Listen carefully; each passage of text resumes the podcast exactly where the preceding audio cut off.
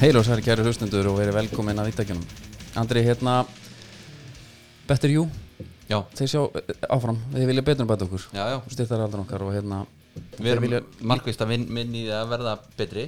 Og betri mannskjur betri, betri við, betri þið uh, og þeir vilja líka betur um bæta umfjölduna Já, bara í landinu, svo þetta er bara fengið frá Engli. Já, og hún segir hérna, þeir horfum semst eftir við horfum alltaf núna 2021 eftir einum þetta er svakar agrið tónlist já.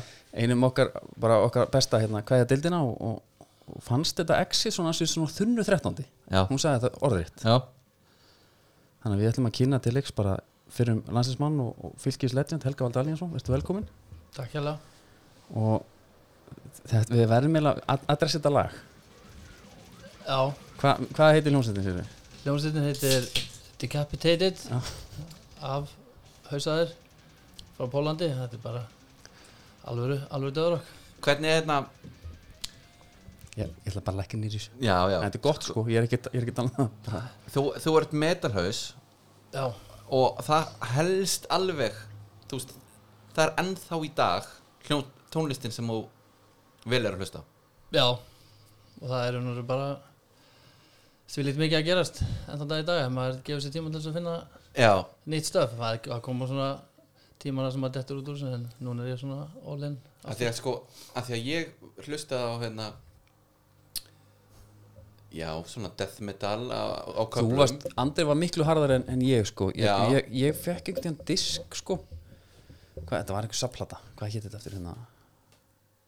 Mást eftir þessu? Nei, sapplata Æ, þetta voru svona mörg mismöndi döðuroklu Það voru svona hérna, þetta var, hvort það voru einhver tónleik? Æ, skiptir ekki máli. Jú, byttu nú við. Já, Mér ámar eitthvað í þetta núna En uh, það er ekki, það kemur ekki. Nei.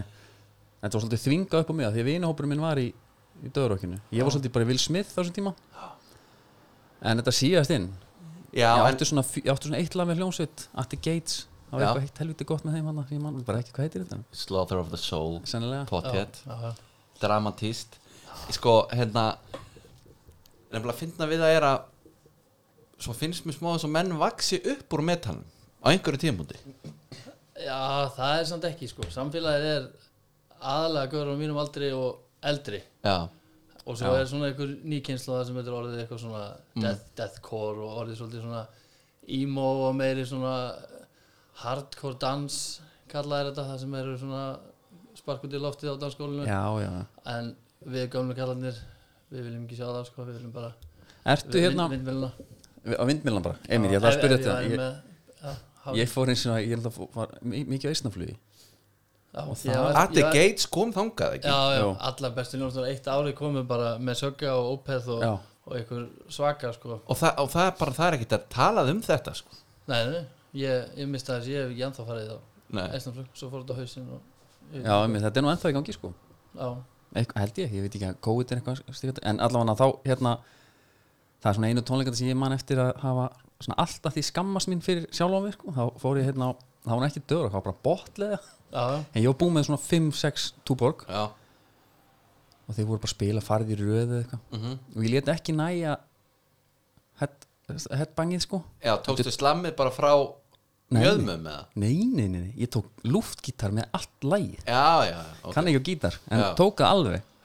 Svo rankaði bara við mig þegar hérna einmitt bara einhver hérna aðstofþróðan í KFF horfði bara á mig, hvað er þetta að gera það var ferlegt sko já, en þetta er besta tilfinning í heimi sko, að vera á live tónleikum þess, vegna litlum klubbi þar sem allir eru sveitir og ég held að Amon Amarth sem er svona vikingametal Já, þeir koma að vera á gögnum hérna fyrir ég vil, ekki segja 20 ára síðan kannski Já. mm. og þá vorum við bara, það fór allir úr og ofan þá fórum við bara úr og ofan og það Einmitt. var bara það var nefnilega Það var dönsk hljómsveit sem kom að spila í gamla sjónshúsinu Þeir eiginlega eiðurlöðu fyrir mér sko tónlistar hlustum því að ég mæti er alveg gjössalega smitaður kaup með diskinn bara í andirinu. Byrjuðu maður ekki hvað hún heitir? Jú, jú, úrkraft já, Svo, hlust, svo hlustaði bara á þann disk Nánast, bara í einhver ár. Þannig ég misti svolítið úr. Já, já, þetta gerist. Það er náttúrulega að fara live er, er bara, já, En hvernig, það er samt einhvern veginn þannig Metalhausar Þeir spila alltaf á hljóðfæri. Allavega, já, ég, þú spilar? Já, ég ég byrjaði bara þegar Metallica var hann að já, byrja já, og ég var 10-12 ára. Þá spilaði ég bara metallikulög já, Já. kefti bara gítarbækurnar með öllum blöðunum ég Já. hlustaði ekki á neitt annað. Já, bara ég hlustaði á Sálunars Jónsmíns Michael Jackson og svo heyrði ég metalliku og horfði á Nightmare on Elm Street já. myndina þá var ég bara orðin þessi gaur. Já, já. Og Svo svo- geggja gítarbækurnar Ég átti, átti einmitt svona tab- bara upp með töpum. Þetta var Já, þetta er ekki eins og hérna Ultimate Guitar í dag. Nei, nei, þú varst bara fekk, fekkst bókina bara. Já, En í dag lærir maður líka engin lög á gítar Ég ekki Ég er svona glamrari sko Þetta er allt bara, já, já, flettuð bara upp Og svo spila maður bara það sem ma- maður hefur fyrir fram að sig sko já, já. Þú ekkert að læri þetta það fer eftir í hvað það er ég, Já, kannski ykkur, já, ég er svolítið svektur yfir að aldrei orðið það góður að geta spila svona erfiðustu death metal lögin sko. Já. það er bara, það ertu bara í fjóra-fimm tíma á dag að þig, sko. Einmitt en já, maður Það- er bara að gera mála milanir Ég finnst, hérna, ég vil ekki alveg fara úr þessu umræðum, svona góð Ég finnst nefnilega, hérna Sko, með, þetta var alltaf svona spurningum í, Því í okkar kreðsu þá var trómuleikari Fyrir þjóðblendal, okkar maður. Mm Og maður fór í, ekki nefnilega í partí, sko Fór bara heim eftir skóla. Og það var bara sest niður Og það var, hérna, Mike Portnoy trómuvídeó Og maður horfði bara maður bara svona þvingar í þetta, þetta var svolítið rembingur. Tjekka þetta gítarsólo, þetta er miklu meira heldur en tjekka lægið, tjekka trommunar hérna, hvernig það dett inn. Mhm. allt bara drrrr.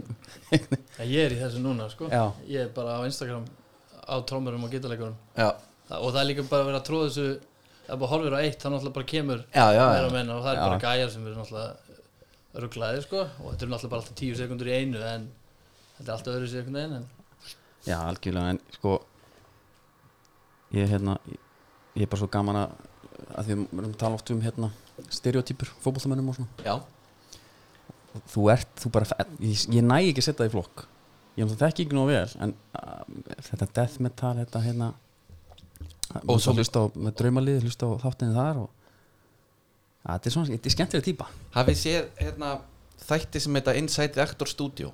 Nei. Það er gaur sem heitir James Limpson og hann er að fá bara alla leikar í heiminum í Já, ég spjall. og það, það er alltaf bara basic spurningar. Og allir í bransanum alltaf geðviklaðir já, hvernig var að vinna með þessum, æðislegur, frábær og, Já, og allir með sömu sögur þannig. Svo kemur hérna Jennifer Connelly sem að vera náttúrulega bara, hún er 16 ára eða eitthvað, eða bara hún er badd þegar hún leikur í hérna Once Upon a Time in America og er bara búin að vera í bransanum síðan. Og hún er einmitt svona já það var svona allt í lægi en ekkert sérstakt og svo var ég svona pæli ég að hætta að leika. Og svona Já. ég vil meina Helgi sé smá þar sko. Já, við hérna hættir, já, það er náttúrulega byrjar aftur.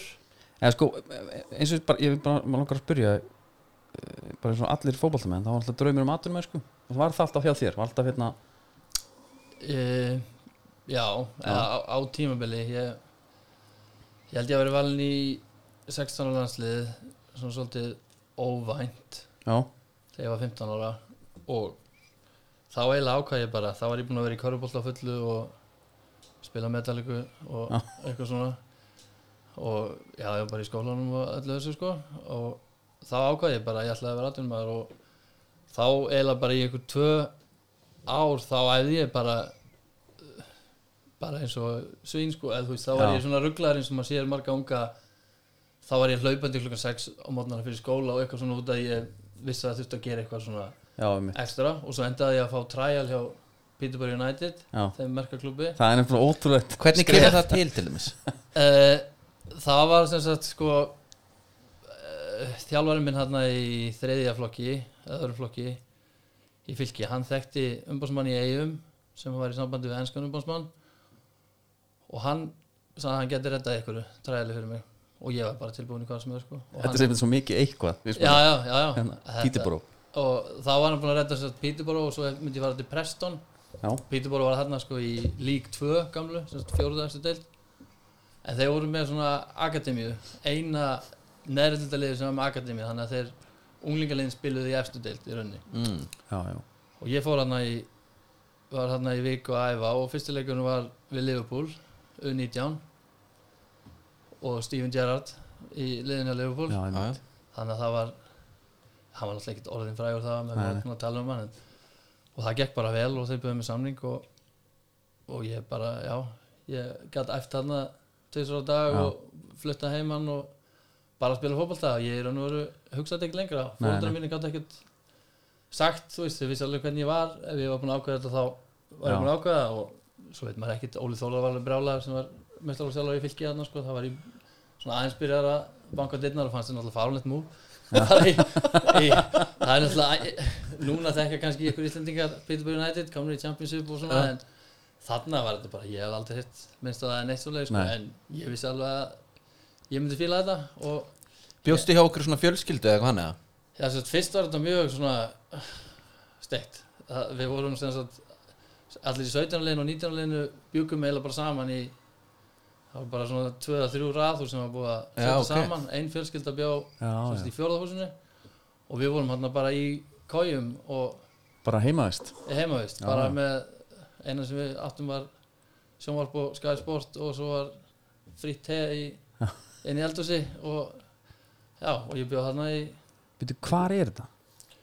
Þetta er bara í, Að googla þetta er í, í Cambridgeshire, þetta er klukkutíma frá London, beint í norður. En þetta er, þetta er alveg stór bær sko, 200.000 manns alveg, en það er nú ekkert að frétta samt.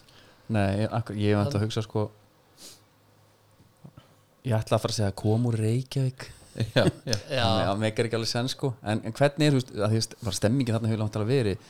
Þetta er gaman sko, vantar að sé alveg tíman að tvenna að koma þarna út hvað árið er þetta? Er þetta er þetta er 98 Já, Þetta er 17 ára, þetta er verið aðeins öðruvís en hérna heima vantarlega. Já, já, þetta var svolítið ég veit ekki hvort ég hefði tekið þessu ákvörðun núna Nei, ef ég veit það en jú, jú, ég er að þetta bara hérna var interneti svona rétt að koma á Íslandi og breytarnir hafði ekki eins og hérta það minnst sko.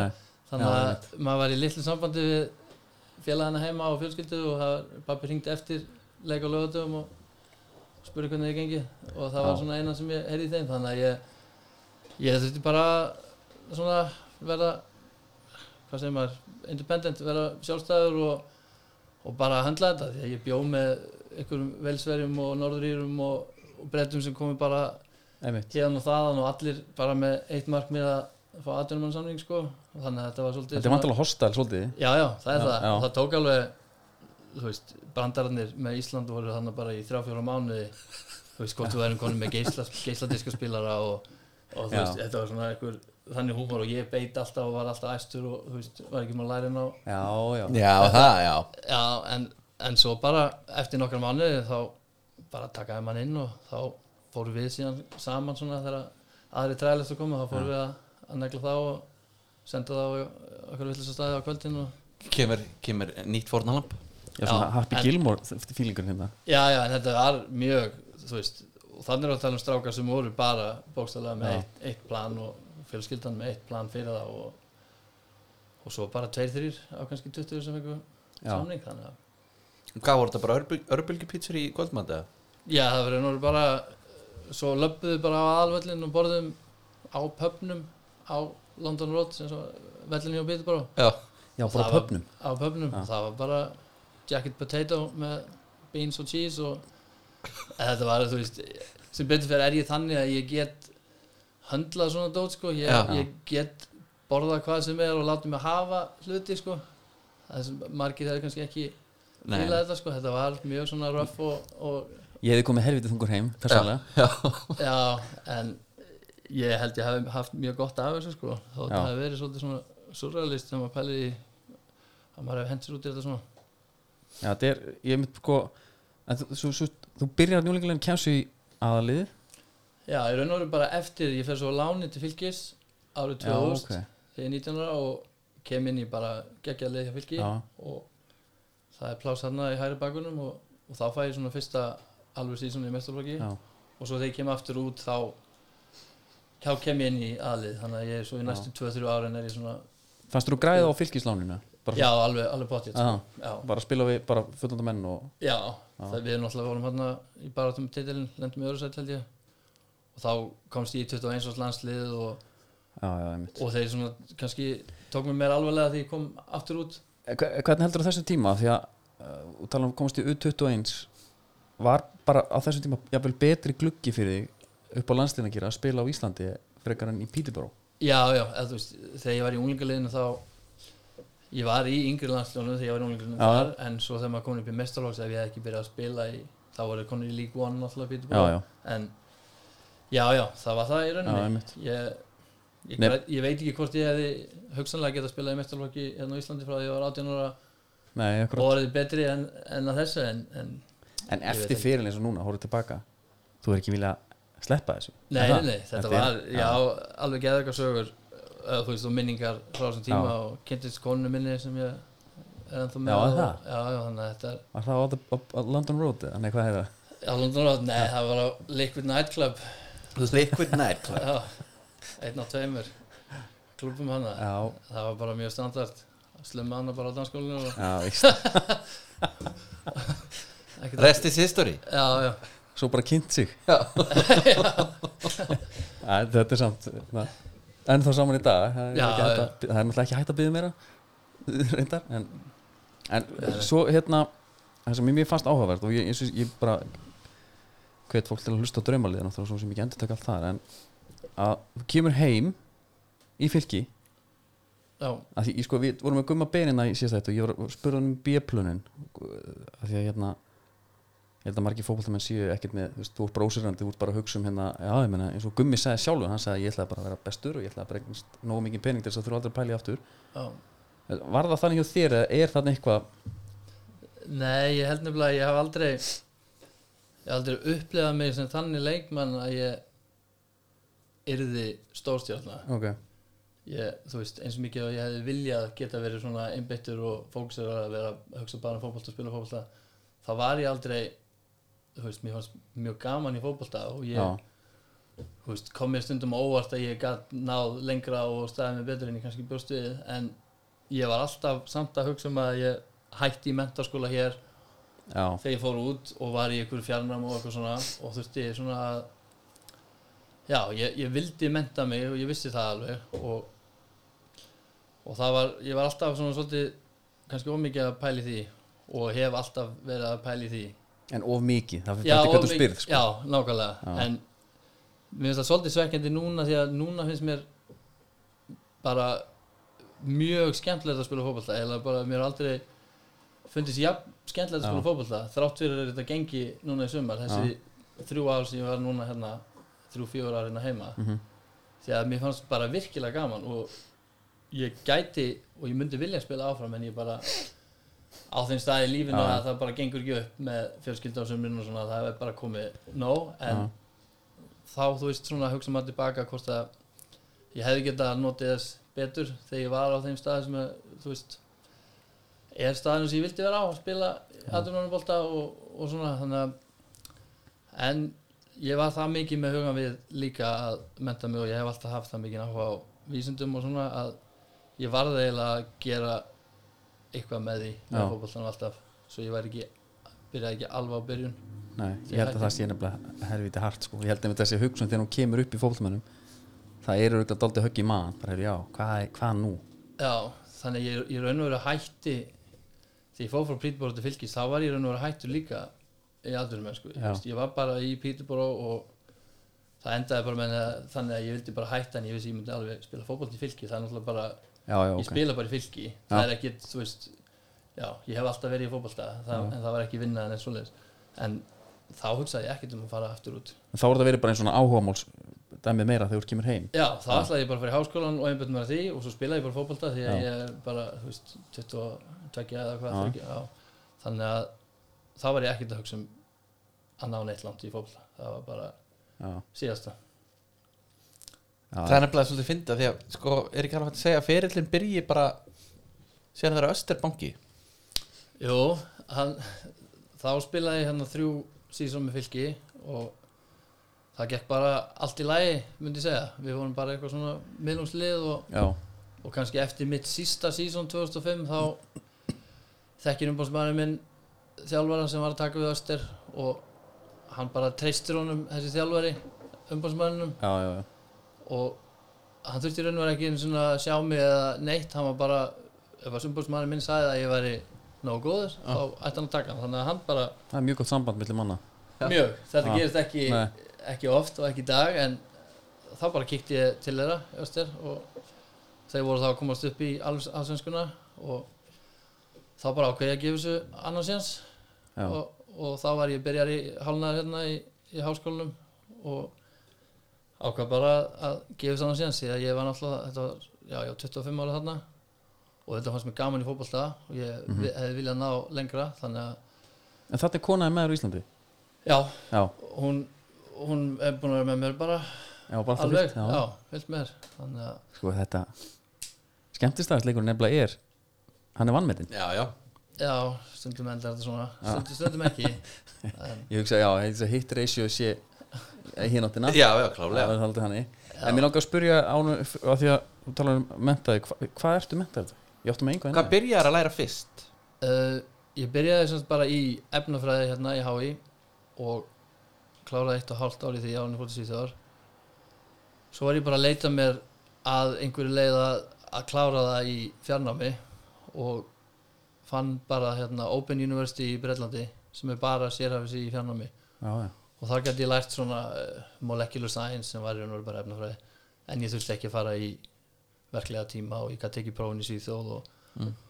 þannig ég kláraði það bara svona hægt og rólega eignaðist tvo krakka og spilaði fótbolta og gæti gert þetta bara á mínum bara á- aftur manna ferli bara, já og það gekk alveg já, já, þú veist, það kom alveg upp. Varstu bara, varst að svæfa og svo bara uh, opna bóka? já þú veist það, maður hefur mjög mikið frítíma Já, ef maður er í fótboltanum, Já. ég veit ekki, það er kannski minni núna menn æfa meira og svona en þetta var bara æfing á mótnana og veist búinn hvar klukkan 1, 2 og, og kvöldin og allir þessar ferðir útileikjur og svona. Mhm. ég, ég tók bara einn og einn kurs í einu og það er ekkert mál að gera þetta í rauninni ef maður hefur áhugaði og fyrir mig var þetta bara nöðsynlegt því að ég mér fannst bara einhvern veginn svona pyrrandi að ég var ekki að gera meira heldur en bara að æfa í 2-3 tíma á dag. Varst þú ekkert skrýtni gaurinn í liðinu? Að þú veist Að vera einmitt bara með herbyggisfélaganum kannski einhvers staðar á hóteli. Jú, jú, og þú bara herrðu, já, ég, ég þarf aðeins að kíkja í bókina nú. Jú, jú, það kom alveg fyrir að eh, kannski í Svíþjóð þá það var meira svona virðing fyrir þessu sko. Og margir sem töluðum að þeir myndu vilja gera eitthvað og, og margir voru byrjaðar á einhverju sko. en í, í Englandi var þetta skrítið því að þá var ég líka að lesa bækur. Já, sem að þeim fannst alveg förðulegt já bara, bara indislestur. Já, já, Já, eitthvað ok. science fiction og eitthvað svona dót sem er alltaf Já. bara fyrir nörda. Já, og, og þeim fannst það mjög skrítið en ég harkaði það að mér. Og, en það nei, ég held að það hef ekki verið skrítningur en ég held að fólk hafi finnst þetta bara svona freka kúla. Meira svona impressive bara. Já, já, ég allavega fekk þannig svona tilfinningu. Já, mér leiði allavega ekkert illa með þetta Nei. að vera að menta mig. En mér, hvernig var þá við fyrir aftur til Pítibrú hvað gaman að setja tíðarandan sko. Já. hvað var, hvernig var bara velju dagar hjá þessum mönnum, það var bara æfing? Já, þetta var mjög svona það, það þurfti náttúrulega allir að fara í skóla. Já, þannig að þetta var svona mentaskóla kerfi þannig svolítið skrítið, þetta er bara tvö ár og þú velur og bara strax ykkur ein, tvö fög eitthvað svoleiðis. Ok. Þannig að þeir þeir þurftu að mæta, ég var í fjarnæmi bara frá Íslandi en, en þeir tóku bara öðvöldustu kursana flestir og já, já. voru í raun og ekkert að reyna að klára það sko. bara hakki bóksið já, Já. og svo var bara labba nýr í bæ, fengi sér shake á McDonalds, þú veist á 1 pund við vorum alltaf með 40 pund á viku eða eitthvað í laun sko. já, bara svona lágans Já. já, og, og svo fór fólk að keipti sér singles það kom einhver ný lög á gelti sko. þú veist, eitthvað þetta var, gott sko Já, já, við náttúrulega vorum sko fjórir í herbyggi tvær kójur og þú varst ekki með skúffu, ég man ekki sem hvað ég, hvað ég geimti fötin mín sko, en það var bara ekkert Þetta er bara vertíð, þú ert mættur á vertíð. Já, já, þetta var mjög mjög skrítið og svona langt fyrir utan þændaram hann en þetta var samt mjög gaman að vera umkringdur já, já, öðrum unglingstrákum sem eru náttúrulega geta verið skemmtilegir og það komur samt auðvitað upp atvik og slagsmál eftir. Já, ég ætlum að spila, kom ekki upp eitthvað svona heru, Jú, ég er nú gjössanlega langþyrftir á þér hann í neðri góðinni það það það var þannig það var, þú veist, við vorum í hérna, 19 áliðinu og vorum með frægan þjálfara í dag, A.D. Boothroyd var þjálfarinn okkar, Já. hann var svo hérna 21. landslið þjálfari og fleira og hann var hann var grótharður en hann var mjög svona, samt svona fair og ef við unnuleik eða stóðum okkur vel þá sagði hann alltaf í, í rútunum tilbaka þið meði fara út í kvöld og þá var bara Já, allt vittlust sko. þá var náttúrulega bara leikir á lögðum og þá var bara, við máttum fara út það var ekkert, þú veist, þú fer bara út og þá er bara gjörsanlega það fara bara allir út þá. Já. Já. og ég hafði ekki drukkið áfengi áður en ég flutti til Englands. Já, já, en eftir hennar fyrsta leika mútið Liverpool 2-2 játtöfli þá fengum við fara út og þá byrjaði ég að drekka. Er ég, ég sá það að þú veist, ég myndi ykkur tíma að byrja að drekka. Þetta var ekkert eitthvað prinsip nei, nei, nei, nei. Og ef ég ætlaði að funka í þessum félagskap þá en byrju hvað, 16 ára? 17 ára, 17 ára, já. sem var mjög seint Já, á þessum tíma hér, þá var mjög að drikja já, þá, náttúrulega- einmitt, þá ert þú bara búin að býða í mörg ár sko, Já. nánast já, já, það var 13-14 ára var bara Já. í vinahófnum mínum sko. en já, já, og svo fórum við var eitthvað tíma einmitt svona fyllir í eftir núlingalisleik og svo komum allir heim og þá er einhver í, í sturtunni, einhver norðurýrin og búin að vera öskra á einhver markmannin okkar, bara Já, eitthvað rífa ok. kæft og svo fer hann bara inn á í sturtunni, lemur hann í, já, frábært. Í stöppu og svo bara daginn eftir hann bara sendur heim. Bara já, Leik- alvöru, alvöru, ekki svona eitthvað Nei, get- þetta var þú- ekki, þetta var alveg þetta var alvarlegt sko. Þú verður ekki meira vulnerable í sturtunni. Í sturtunni. Fullur. Já, full, Já, Jesus, þetta er alveg það, þú getur ekki gert manni verið hlut en þetta. Nei. Þetta var mjög óþægilegt Þetta var já, svona ég trúi því. Já, maður hefði beðið um að fá að þurrka af sér og fara allavega í nærbuxur ára með þetta berja mann. Og svo bara hitta hann út á plani eitthvað svoleiðið, einmitt, bara hérna vera ekki, vera ekki fyrir fólki. Nei, en með, hérna, hvar vorum við á hann? Við vorum í, við vorum komin í mentununa já. En í dag, hvað titlar þið? já uh, Ég svo náðu að klára þetta Natural Sciences Chemistry þannig að ég, ég segi bara efnafræði. Já, og svo síðustu árin þarna á ferlinu þá tók ég mastersnám í Livia efnafræði ok, sem er svona já, í raun og veru bara efnafræði. Livia, það er raun og veru bara svona mitt á milli lifafræðingur og efnafræðingur. Mhm. bara að hanna lif og ok. svona. Ég sá eitthvað á Twitter og var ekki eitthvað hérna eitthvað, ekki ofskinjunar eh, var ekki eitthvað, Jú, jú, það er náttúrulega mitt aðal áhuga mál eru vímaefni já, er það? Já, það er svolítið það sem að segja Já, en, en það er alltaf geggja áhuga maður sko. Já, en það er það, en ég, akkur týnum minn á spektrinu Já. Já, en ég, sem sagt, nú erum við komið miklu lengra því að ég, ég sem sagt, vann við það í Portugal eftir fótboltan þá bjó ég áfram í Portugal í nokkur ár, kláraði mastersnámið þarna og Já. byrjaði svo að vinna við sem sagt, eiturlifi eftirlit Evrópu sem er bara Evrópustofnum sem fylgist með bara vímöfnamarkanum og, og öllu sem er að Já, gerast. og þá, þú veist fór ég all in í það og var að stútera bara bara með decapitated bara, var þetta eitthvað svona Dexter feelingu svolítið það? Já, ég veit ekki, þetta er svolítið svona en ertu í hvítum slopp bara á rannsókustofu í vinnunni eða? Nei, þar var þetta svona bara fylgjast með vímefnum, bara skrifstofu starf og bara svona sjá hversu margir deyja í þessu landi úr þessu efni og hvað er að finnast og, og, Já, já. og hvað er verið að framlega hér og þar og, og alls konar svona bara greining en núna er ég semst á landsbítalunum og nú er, erum við að framlega hérna geislavirklif fyrir jáendiskannan. Þannig að við, já. Það er eitthvað að- svona alveg ofar mínum skilíki sko. Já, jáendiskannan er náttúrulega glænýr hérna sem er bara svona myndgreiningatekni fyrir aðla krabbamenn já, er þetta Kári Stefáns? Já, hann þeir sem sagt gáfu þetta tæki skannan og það heitir ringkraðl cyclotron sem notur þess að búa til geislaverk efni sem er ekki verið til hér heldur. Hann gaf þetta sem sagt og við unnum smá vinnu sem tengda fyrir þá í raun og verið að lifa fyrirtæki sem Audi kód en þeir gáfu spítan þetta og við höfum sem sagt verið að framleiða og, og skanna sjúklinga aðalega krabbaminsjúklinga og Alzheimer's bara með þessum lifjum þetta er, já, þetta er alls ekki tengt vímaöfnadóttir en þetta er, þetta er svona alvöru labvinna. Við framleiðum þetta og gerum gæða eftirlit og svo er þetta gefið sjúklingum. Og var það svo bara mætt á úrþöllin bara á kvöldinu? já, svo bara beint. Það, er, það er sko einmitt Þetta maður þarf bara svona smá að minna sá við erum að tala um fótballtáman já, ég, sko. þetta er já, þetta er já, þetta er náttúrulega nýtt á Íslandi og, og þannig séu algjör já, bara heppin að þið vorum að, já, að plana að flytja heim frá Portugal.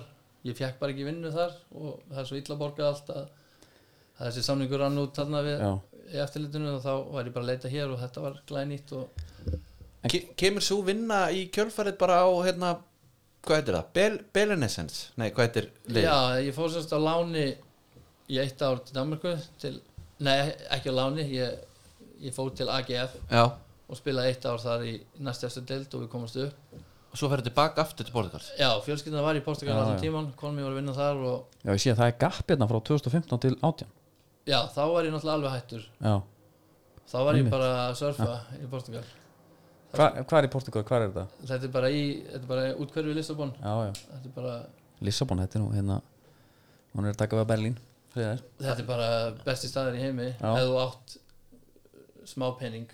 Meðan ég var fótboltamaður Já. þá var lífið bara frábært. Svo byrjaði ég að vinna þarna í svona skrifstofuvinnu og konum mér var kennari og þá var þetta hark. Og við reyndum að hanga þann út eins og við gátum en svo var bara komið peningarnir búnir og þá Þurftu að bræða fyrir því portugalskuna já, já, það er náttúrulega eins og í liðinu þá töluðum við fáið leikmenn ennsku, frekar lélegir og þannig ég lærði fótboltamáli svolítið. Já, já, En annars svona í samfélagina sem við byggum konum mér var að kenna, hún er náttúrulega ennsk hún var að kenna í alltaf skóla þarna og já. mikið útlendingar og fólk sem við vorum með sko. þannig að nýtt þetta kannski ekki lærið þetta ekki eins vel og maður er viljað en ég held að þetta sko, ég er náttúrulega hlustendur kannski vita ekki, en ég bjóði í Berlín 2007 Nei, þá fór ég í tungumálaskóla ætlaði að læra þýsku en ég talaði bara þýsku frá svona 8 til 11 svo var ég bara í enskunni. Á, já, já, Þú það sýjar ekki og jafnvel íslenskunni bara líka. Það var ekkert, það kom ekkert, ég kem ekki, ekki neitt þeim sko, frá þeim tíma. En hérna en já, ég, ég veit ekki. Með Belen Nessis, ég var að, ég var að skoða bara því að Wikipedia, það stendur hérna, hvað heitir þetta? Belen, Belen Ensens bara. Belen, á, einmitt. Belen, Bel Belenensins eða tala um sko bara eins og samlíkun hafi rift eða eitthvað svona, þetta var eitthvað Já, hvernig var endur á því? þeir í Portugal eru svolítið skrýtnir með allt svona sko. Ég fikk ekkert að segja neitt í raun og veru, við ákvæðum bara að ég myndi fara til Danmarku, ég vildi já, fara og svo kom tilbúð þaðan. Og þá ákvæða þeir bara að skrifa að hann hefur ákveðið að rifta samningum af persónulegum ástæðum. Og, og ég bara ok. Já, svo stóð það bara í blæðinu þú veist, það var ekki já, það var með að spurt hvernig ætti þetta að vera. Það var Nei, bara, ok. þeir eru fyrir Þeir ofan mig. bara til útskýringu og já, já, þar er þetta allt mjög sko Svona hierarki dæmi. Já, já, þú talar ekkert til þjálfurinn eins og jafningi sko, það er bara mister, mister og, og bara fá leifi og, og þú veist og það fór svolítið í töðunar mér það sem maður er vanur eins og í, Já, bara hér og, og síðan það, það er allir bara eins. En sko eins og með Peterborough tíman og svo ég verið að pæla svo gaman að pæla í þróunin á Þú veist, hefur, hefur eitthvað pælt í bara eins og þegar þú ert að spila með Peterborough og svo þegar þú ert mættur hérna núna við fertur að spila við blikana og það er einhver svona voða koncept pælingar á milli. Veist, heldur að heldur að þinn stíl hafi hendað bara akkurat þínu tímabelti eða hefur vilja að prófa? Uh, ég veit ekki alveg. Ég, ég á svo erfitt með að sjá fyrir mér sko, hvernig fótboltin var hérna í byrjun. Veist, eins og með mestalóknum hérna 2000 með fylki. Ég veit bara að vorum með gott lið en ég man ekkert nei. Hvernig við spilum að þú veist hvað, hvaða pælingarna voru Nei, ég myndi hugsa- þessi miklu meira Já. núna og kannski er ég á þeim aldrei að maður kannski hugsa meir út í það. Kannski eru ungustrákunir ekkert að pæla eins mikið, ég gerði það allavega ekki þessum tíma en, en auðvitað prófaði maður mjög mismunandi stíla í Portugal var allt, allt öðru sér fótbolti og hann mér varst hann henda mér mjög vel og mér varst mjög gaman að spila svona allavega framan af. Því að það er, er þetta mjög svona hægt rólegt Já. uppspil en mjög taktist og mjög mikið svona einn á einn það er ekki svona svæði sem þú veist maður bara byrja ábyrja sínum Já, gæja og ég þarf ekkert að áhugjur að valda einhvern annan eitthvað svoleiðis en Nei. og fótboltin líka bara frábær í þessu deild með við hvað hún alltaf rönguð mjög hátt út af þessum bestu liðum sko, en, Já, já. en standardin var alveg frábær en, en bara stórt bíl á milli efstu og neðstu þú veist, liðana, það var Já. engin á vellinum Nei, ég ætla að það var eins og öllumdeildarleikur í Englandi sko, þegar við vorum að spila við önnur neði sko, liðin. Þannig að það vantaði svolítið upp á þá stemningu en svo komur svona stóri leikirinn á milli sem að sem að var, var náttúrulega Þetta algjör er bara. Benfica, Porto. Já, það var náttúrulega og Sporting og, Já, Sporting, og Braga það er alveg, Já, þetta og nú er búið að að komið Já. aftur tilbaka en þetta voru, þú veist já, með skemmtilegri upplifunum mínum að spila úti á móti Benfica og gera játteplið á úti ég er bara mér er aldrei held ég liður betur sko eða, veist, bara tilfinningin og svo fer maður bara í einhvern leik í næstu viku og getur ekki neitt þú veist, Nei. þetta er svo rosalega eitthvað, og sex manns í stúkunum kannski? Já, svona, já, já. já, bara þetta er útrúlega þetta er, þetta er sérstætt, svo hvernig það deildi byggist þetta upp. Já, það er náttúrulega þetta er, já, og mikið náttúrulega spilling og Já, já, við fengum fengum stundum 500 efru seðla inn í klefa eftir, eftir leikin sem við gerum játtiflið Benfica þá hafði þess að Porto gefið klubnum okkar bara ákveðna summu ef þið náðu að vinna eða Nei, játtiflið við og þetta er allt guttir að því að þeir eru að gefa okkur pening til þess að vinna. Við erum, ekki að leggja og þetta var bara samþykkt. Og svo fórum við bara, Þetta í var röð röð inn á skrifstöðu til stjórans eftir Benfica leikin og Porto leikin og það var stundum 1, 500 eða seðil eða 2 eða þú veist, ykkur tíma fengum við Mismöndi milli manna, alltaf sama ég held að það Ja. verið okkur saman sko en, en, Hitt hefði verið gott en þetta kergja. mjög skrítið og þú veist ekkert hvað að gera með 500 efru seðil.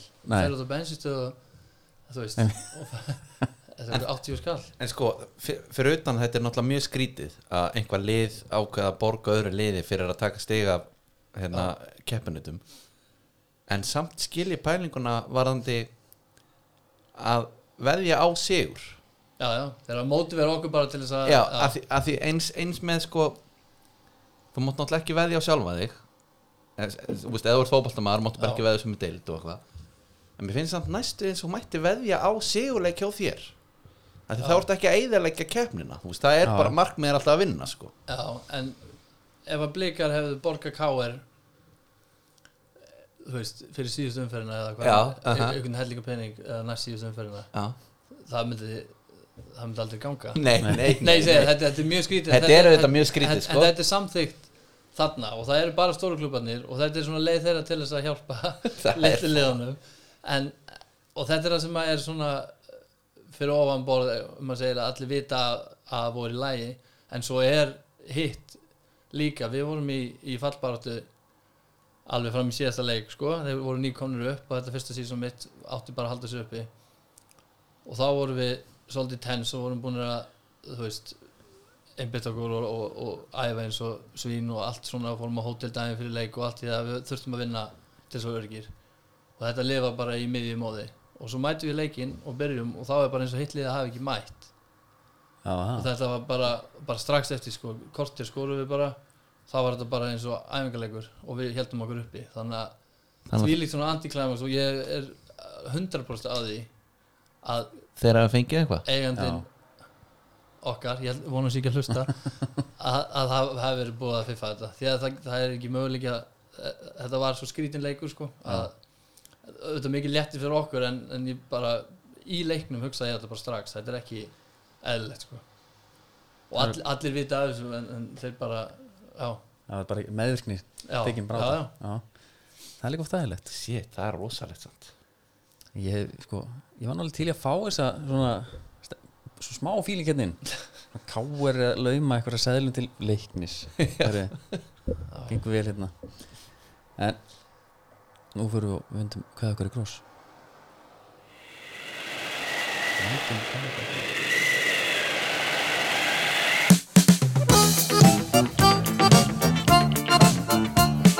Stolt siglir veginn mitt, sól sjónum á. Þetta er gott lag mann fannst þetta alltaf bara smá komedi í einhvern veginn svona fílingur, þetta er gott lag. Vanda smá double kicker. Já, hann myndi bæta. Herru, hérna skipafrættir alltaf búið skruf. Andri hérna með, hann er alltaf með dós á sér. Já, já. Fjara búnda Já, ertu eitthvað í þessu? nei, Nei, Já, þetta er, ekki, þetta er ekki fyrir hvað sem er. Nei, nei, hann er líka svona þegar menn eru Hann er vísindamaður sko. Veit. Hann veit alveg. Nei, ég segi nei, ég stærst alveg í þetta sko Já, já, það ég er er bara, ég er að hugsa um börnin sem eru. Hérna, spyrjum alltaf gestina Hvort þú sett með einhverja reynsla á sjómennsku? Nei, Eða bara skip, eða bara svona sjó, sjávar útegum Eitthvað tengt störf, eitthvað? Nei, þetta er samt gaman að þú skulle segja þetta því að ég ég elska fisk og sjávaretti Já, bara meira en lífið eftir að búið í Portugal. Þá var ég mikið til í að eiga lítið bát og, og veiða bara rækju og krabba og, og skelljar og þannig dótari. Það er svona draumur sem ég á í þegar ég fara eftirlaun. Hvað var svona, hvað var, hvað var rétturinn þá sem var svona í uppáhaldi? uh, Náttúrulega þjóðaréttur Portugal er náttúrulega bara saltfiskur Já, íslenskur og það er náttúrulega í öll mál en svo eru bara einhverjum svona lokal rækjur. Þú mætir á veitingastæði og það er bara klaki hérna og það er bara það sem er hafa fundið já, já. allar mögulega típur af skjálfiski og, sníklar og, náttúrulega kólkrabbi og bara smokkfiskur, you name it. Og þetta er, já, fyrir mig er þetta bara það best ég fæði sko. Þetta er alveg svona nægileg tenging fyrir mig sko. Ski, já, Já, algjörlega ég, að líka bara eiga draum að vera að veiða þetta sko. Á litlum bát sko. Já, já, ekki stórum. Nei, Nei. bara einn. Það er sko, það er einhver svona þingar hérna í þér sko, sem að er eftir að, er eftir að koma putanum á sko Ertu, það, það er það bara draumur um að vera bara þú veist, ertu bara góð bara einn einhvers þar Nei, nei, bara, bara, og nei, nei, nei, nei, bara samt svona í, í hófi já. þú veist, maður hefur gott að því.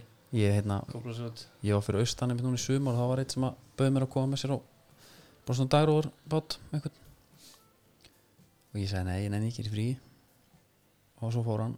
Og ég var bara svo heppin, hann fór bara og þetta var það voru bara 16 tímar eða eitthvað og hann veitti svona fjóra fiska ekki, engin peningur Þú veist, þetta er romantíst en ég held þegar þessi dag að koma og þú kemur heim og bara það er ekki eins og göttu fyrir sko, nei fiskur fyrir köttin þá er þetta orðið hart. Já men, ég hugsaði þetta bara eins og með pappa hann trillusjómaður og hann er aftarlega á meirinni þegar kemur að tækni. Hann er ekkert með eitthvað airpods eða eitthvað, eitthvað podcast eða eitthvað. Þannig að það er bara útvarpið. Ef að það er þá í gangi. Og hans aðal útkúrpun er bara ringi í félagan segja að ég er hérna. Já, já, já, og það er lítið, hvað er þú? skilur já, lítið að frétta. Já. lítið hér, já, Já. já, já, bara tala á milli. Já, bara tala á Einmitt. milli aðeins að hérna, þú veist, gefa einhverja svona smá hint þú veist. Og ég myndi hugsa, þú veist þetta er þetta er erfitt líkamlega alveg Mhm. þú veist.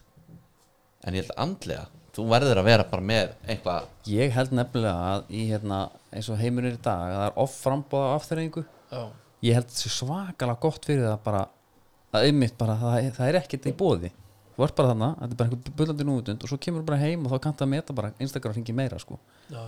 eða podcastin eða hvað Það er eru meina, er þú- bestu dagarnir eiginlega þegar maður gleymir því alveg að skoða eitthvað þú ert svo busy og svo kemur það heim og það er náttúrulega svo mikið að nýja sko.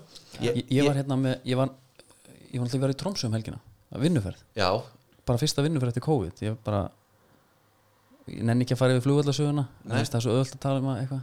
Þetta er bara ekki til út eins og kemur mér heim og það er eitthvað, Það er þá hérna, fór í, þetta er fransku bátur. Alvöru tóri, þetta er Emmerut Og hérna við höfum fjallað um hann eða ekki? Nei, Ekki? ekki, sennilega ekki. Mér finnst það ólíklegt. Hann er rosalega langt frá Íslandi. Ok, Hann- Þetta er Saint Malo hérna, Fraklandi ok, En það er skipstjórum Björn Óli Gíslason hérna, gamli þingmaðurinn Og hann var að Hann var að segja mér sko frá Því þegar þeir voru yngri að Þá var sko sest fyrir framann að þeir bara útvarp Það var svona leikur. Ef við varum þrýri herbyggi þá var sko sest fyrir framann útvarpið Það voru skipafréttir og það var að tala um miðin já. Þú varst bara Jón Kjartans ég var bara aðasteytin Jóns eða eitthvað og svo var bara, þú veist bara tala um afþreyingu, þetta var afþreyingin svo komu aflatölur og var bara hvað er Jón Kjartans með? 500 tonn eða eitthvað. Og Og þá var bara öskrað ég vann þig eitthvað, þetta var bara svona það? betting dæmi. Þetta er bara fútbolmanager skilur nema bara einhver mjög ódýr útgáð já, menn finna sér alltaf eitthvað. Já ég held það, en bara ég verða að tala um Trómsu og Noreg. Já, og var, það var vantalega verið með vilja gert að spila aldrei í Noregi. Ha, þetta, þetta er ekki gaman. Ég var búin að vera hann í þrjá mínútur lent í Trómsu þá heyri ég svona þá kom svona þrjár á gönguskíðum já. með alpahúðna eða Það ekki er- alpahúð það með er- eitthvað svona smokkfiskahúð það er samt sjarmerandi. Finnst þið það ekki? ég hugsaði bara nei, þetta er ekki, þetta er ekki sérmændi þetta er bara göngu, gönguskýr og gönguskýr þannig er þetta bara á línuskötum nema þau eru bara lengri. Verður bara á línuskötum frekar? Þetta er svo, já, betur var þetta hjóla? Var þetta hjóla gönguskið? já, þetta er þannig. Það er náttúrulega engin snjóra það núna. Þetta var alveg hérna ég veit að mér finnst, mér finnst bara Nóruður svo herfitt land sko, En sko, bara ég var nefnilega í Yale í gamla daga. Já, einhver þrjú áramót. Þar fannst mér þetta einmitt geggjað. Maður var að lappa út á bensinstöðu að kaupa örbulgipítsu sem var alvöru stemning sko. Og þú lappar bara gönguleið sem er bara grafin af skabli. Já. það er svo mikill snjór já, já. að það er bara gangstéttin er bara svo með skablan að sé hvort með við þig. Já, svo mætur þú kannski hérna bara pappanum úr búðinni og hann er á hérna þessum típiska sleða sem er sæti. Þú stendur svona og Já, heldur bara- í sætið Já. bara jólasveina. Já, jólusveinaslegan bara. Og krakkin framan á haldandi á búðbókan mér fannst þetta geggja sko. þetta er svona jólakort. Já, þetta er þannig sko. Já. Ma, ma ég er svo mikið rempingur samt sko, ég bara Nei, en, en þetta er bara bílinn. já, en þetta er samt bara skilur alveg já, þarna að það er allt morandi snjó já, ég veit það en gönguskíðin bara fyrir utan búðana einhver skilur, mér varst að gegja sko. Já, ég hef ekki eitt nóg miklu tíma í Nóri, ekki í svo, svona Nei, alvöru þessum þorpum í fjörðunum og eitthvað svona sko. Ég, já, Nei, en menna þeir sem hafa farið og spila, spila í Tromsö Mm. já, finnst þess að segja að ljúga þegar tala um að sé geggjað sko? Já, þetta er sko Af því ég man, ég, ég horfði ekkert um hann á eitthvað leik þegar Björn var að spila með Víking. Mm. og það var að mætti til Tromsö og þetta var eins og einhver bara leikur á Íslandi á undirbúinstímili sko. Já, bara skablanir bak við mörkin Já, og búið að skafa völlin og eitthvað sko. Ég var með leigubílstjóra þarna sem skuttlaði mér á hótelið og ég, er að, ég finnst þetta svo erfitt. Ég svona það er bara eitthvað við á normennina sem mér finnst bara pínur hlægilegt og ég, ég viðkynni það og það var rámt af mér. Já. og ég er að spur, ég er að draga upp brúnu bara hvernig getur við, er svona nánast bara Hva- er þetta ekki erfitt? Já. er þetta ekki dálítið erfitt, hérna, þessi fílingur? Kemur frá Íslandi. Það er alltaf alveg rosalegt sko. Þá var bara þeir- gul svo- viðvörun Já. annað hver dag sko. Ég, ég var að spyrja bara hérna, hvernig fílar að búa hérna? Rosa vel og hann bara ánaður og leifubistjóri og hann, hann sagði ég flutti hérna annað í sex mánu kom svo bara aftur, mér finnst miklu betur að hér. Og ég segi hvað með, með hérna það er alltaf myrkur hvað með Já. myrkur, ég er svona að draga upp Já. það var alltaf bara því þú undirbyrði bara þeir eru með söru öllu. Menna jú, er í snjórin já, ég vaknaði bara hans fyrir og skef hvað? Þetta er ekki flókið. Herru, tengingi metalin hann hérna Gal sem Já. að hérna söngverinn í hvað heitir hún? Norsk black metal hljómsveit. Gal, er hann í hann var í hérna hann bjó allavega hérna einhvers staðar rétt fyrir utan Bergen þetta er ekki morðingin hérna?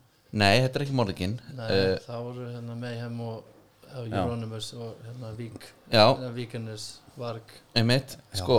Gorgoroth. Gorgoroth, já, já, já. Og ég var að horfa á hérna eitthvað svona heimildaþátt um hann. Það er einhverjum ungir guttar sem eru mættir. Og þeir eru bara smekir um leiður eru komnir bara svæðið. Það er bara skóur já, og já. eitthvað hús þeir hittir hann gæja og hann er bara eins og eitthvað teknum þetta er bara svona einhver Lord of the Rings Já, karakter. hann er búin að missa sig, hann er orðin gamall og hann er bara störtlaður, eða ekki? Jó, en þarna var hann eitthvað þú veist, á leiðin ánga Já, já, klárlega. Og þá var einmitt bara já, það er, þú veist, það er klukkutími í enna næstu búð. Og hann var með kamar sem sagt úti, hann, hann var ekki klósett í húsinu hann sko og hann einmitt sagði, þú veist, já, ég í skóla þau voru þrýr í bekknum og maður eitthvað svona Jesus þetta var, þetta var eitthvað svona bara herðu, Ísland árið 1700 og þessi gaur var bara svo var að spyrja bara what's your biggest inspiration? Hann eitthvað, kom alveg löng þögn. Death. Þetta var þetta, þetta var svona Já, já, sumir haldast svona lojal, sko. Já, já, Það er eldast, sumir náttúrulega voru bara í þessu upp á Það var eitthvað tímabil, sko. Alveg tónlistamenn og svona sumir En já, já, sumir eru náttúrulega bara all in í þessu. Já. Öllu þessu black metal en black metalin er einhvern veginn meira heldur en sko eins og death metal sko, þetta, er svona, þetta verðist vera lífstíl sko. Og Já, ég segi það, fyrir þessa gæja. Þetta var náttúrulega ekstrím hann á tímabili og minna núna kannski en þetta var svolítið merklu tími. Það er mjög góð myndin hérna sem að gerðum þetta morð svona indie mynd með bróður hans hérna Macaulay Culkin. Já, já, hvað heitir hann áttur? eitthvað. Ég manni hvað hann heitir. Culkin. Já, þetta er ekki makkali kölkin Nei, en það er mjög góð mynd sem fara svona í, í gegnum hérna, söguna þarna. Varg er mjög hérna, virkur á Twitter. Já, hann er lausið það ekki? Og, Jú, jú, laus og bara með hverja sjö manna fjölskyldu og Já. hefur aldrei verið sáttari sko. Ég held að hann hafi stungið hann, ég veit ekki hvað. Já, það er eitthvað hræðilegt ég... Er það er sko, það, svo er náttúrulega bókin líka um þá hann að félaga sem Já. er vist eitthvað bara, hún, ég held hún heiti bara History of Black Metal eða eitthvað. Ok, hún er bara um þá. Já, þar ertu komin í ef við tölum um volaði áðan sko með kamar og eitthvað. Mhm. já, þannig er einhvern veginn þeir sökva sér það er eins og verður að vera þunglitur og óhamyggisamur sko að það ætlar að vera í, í, í, þessum tónlistabransa sko. Þarna allavega. Já, þetta er svona minn, ég hef hlusta minna á black metal en margt annað en það er samt svona inn á milli. Já.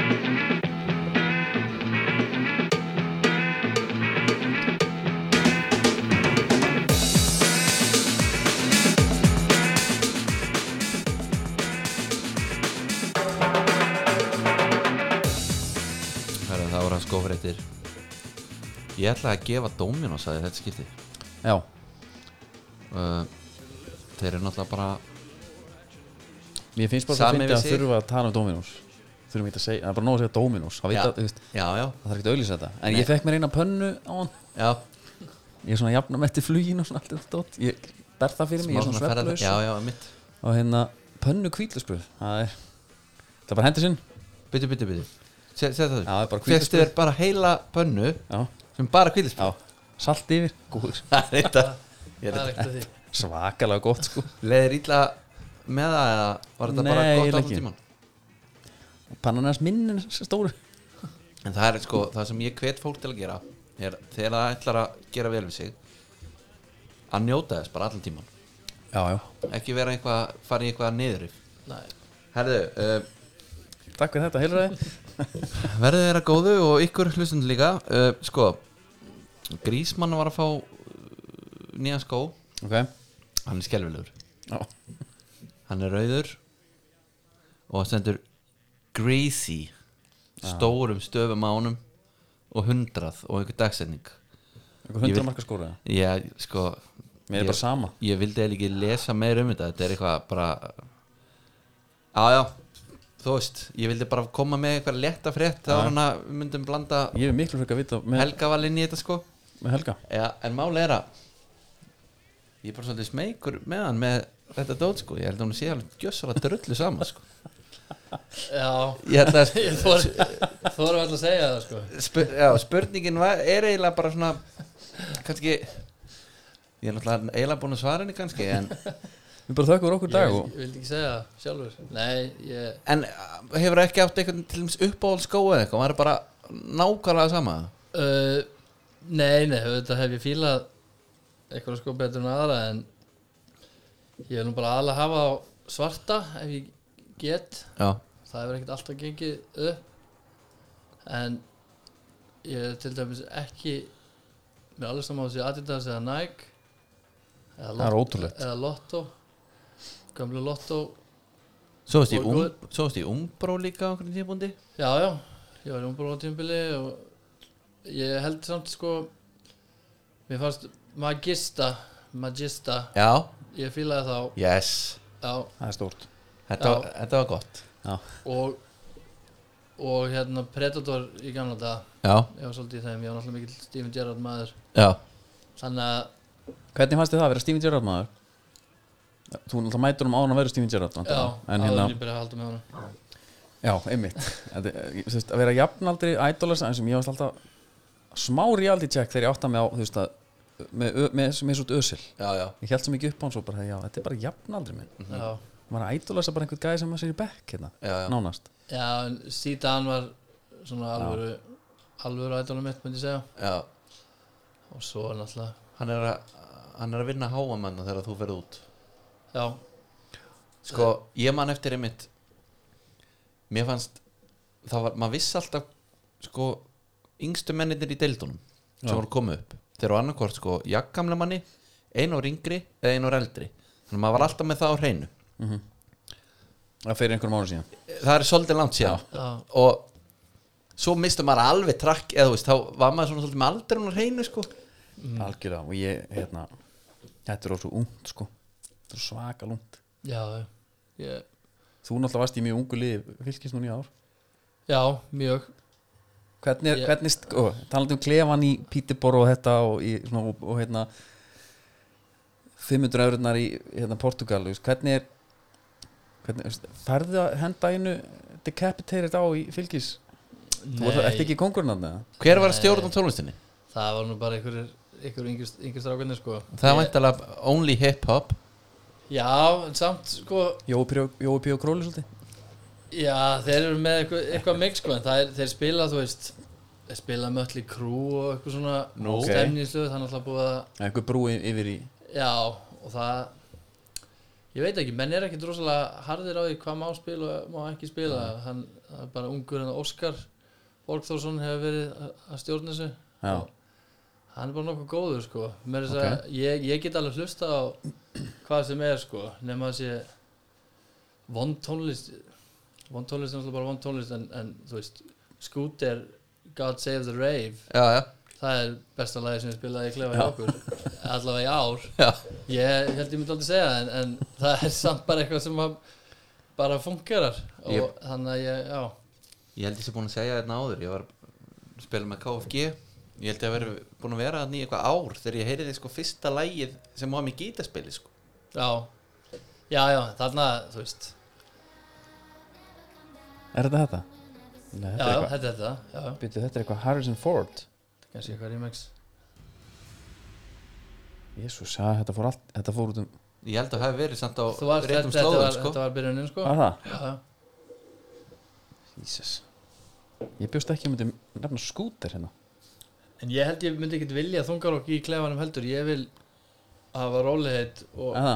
já, ég er ekki svona peppaður og æstur og ég reynir svona aðeins að bara Það átti ekki að gera upp geðvikina nei, mér finnst það óþægilegt Það er þar, þú fer frekar hinvegina Já, eða, þú veist, ég, ég hlust ekki að neitt sjálfur en neitt svoleið sko, en Já. ég er bara mjög svona afslappaður og kannski bara fer út og já, sérst ykkur stóra að spjalla við sjúkarþálan og fæ mér kaffi og, og þannig, ég hef ekki verið þegar maður var yngri veginn lærði maður á Íslandi að maður þyrfti að vera geðveikur árum með fyrir út á völlin sko, þegar við ætlum að stúta þeim en það hefur einhvern veginn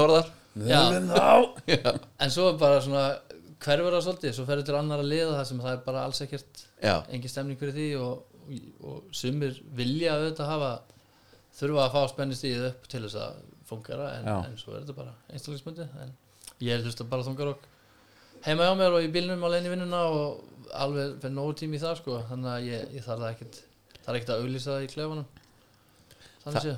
Já, það er nefnilega svolítið sko, þegar maður er með svona tónlismæk þá það er jafnvel smá lonely að þú getur einmitt ekki það er kannski eitthvað létt partí í gangi og Nei, það er búið að kveika á bluetoothunni og svona og já já, hérna, Helgi, vel tú lag ha, já, ekki bara eitthvað gott með Britney eða, þú veist, þá þarf maður einhvern veginn alveg að fara þegar maður, þá maður bara hugsa hvað hinn já, einmitt, maður vil ekki tróða upp á aðra sko. En þú þarft að eiga einhverja sem þú getur deilt þessu með sko.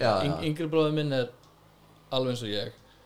Og við höfum alltaf getað að hlusta sama og erum að senda hverjum tips og svona. Og svo Já. var ég tvo þeirra vinni sem ég þröngvaði þessu upp á á sínu tíma en, en svo bara þetta er svona erfið tónlist oft.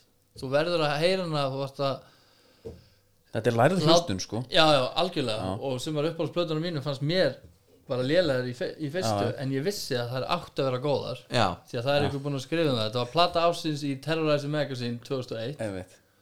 þá hlusta ég á hana þangættilega mér var svona geðveik og hún er ennþá upp á fúst plata minn í dag.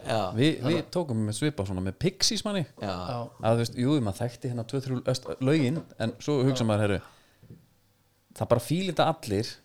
Ef ekki bara setja dúlhjóttul á hérna og svo er þetta bara upp á platamanns í dag sko. en mér hefur vantað þetta samt svolítið, þú veist, ég var til í að hafa gert miklu meira af þessu. Já, upp á, veist, eins og ég sagði bara úrkraftplatan kemur hana Eternal Cosmic Slaughter og hún tekur bara allt og mörg ár. Já, og og maður var alltaf, þú veist, mér, ég hugsa alltaf já, nú, svo fer maður og tekur bara bílana, hlustar á það bara Já, ég á það alveg eins og ætlar að, þú veist, bara fara að horfa á einhverja þáttaserju já. Svo gerði þetta einhvern veginn aldrei. Nei, Ég, ég eiti allt og mörgum árum bara í Metallica. Já, þá var Pantera á sama tíma Já. mér finnst miklu betri hljónust í dag ég Já. hlusta meira á já, þó sé auðvitað Metallica alltaf já. veist, geggjuð, en það var hellingur að öðrum þrassböndum og svona sem ég ég hlustaði bara á Metallica og svo byrjaði ég að hlusta á rap því að það var cool og ég byrjaði að skeita og spila körubólta og svo kom New Metal það sem var orðið þunga og sem ég vissi ég fílaði ég spilaði á gítar og svona og byrjaði að rappa. Og svo Byrju, Nú erum við bara að tala um Limp Bizkit og bara eitthvað þannig já, já. þá var ég búin að hlusta bara á alvöru rap í, í nokkur ár og þunga í laumi því að það var ekki Já. cool. En svo flutti ég til Englands og var einn og þá byrjaði ég bara að kaupa mér allt new metal. Já. Kaupa mér tímaritin Kerrang og Terrorizer og Metal Hammer allt þetta dót. Fekk diska með, með svona eins og tala um aðan svona subplötur sko. Einmitt. Og þá bara uppgötaði ég sko bara Nile og Opeth og Isis og með sögga og bara Já, allir þessi bönn sem ég hlusta á ennþá í dag sko og þetta var bara, já eins og segir að vera lóner þarna var ég algjör lóner því að þetta áhagamál var alls ekki til í ennskum fótboltamanni að hlusta á, Nei. á, á Þú ert ég þarna trúi bara á því. blur tímanum Oasis blur Já, já, náttúrulega hellinga góður í tónlist Já. sem er hlustað á, en þetta var bara algjört frind, sko. En maður Miklu meira upplifir líka það með tónlistamæk kannski er ekki einn með það maður svona það var svolítið persónlegt fannst mér á einhvern Já. tíma, þessi úlingsárun sérstaklega. Já, Já. herri, já, þú veist Nei, vörf er ekkit góð hljómsitt. Svo hlustaði ég bara á það þegar ég kom heim sko. Já, já, já, já. Það veldi halda ykkur á fronti Já, já, Þetta er gott. Hérna, með fyrirliðin horfðu til, eh, bara- svo myndu bara að horfa tilbaka. Hvað, hvaða tímabil er eitthvað tímabil sem þú bara þú myndi alltaf hugsa til að þetta var mín besti tími. Þetta var skemmtilegast. Uh, já.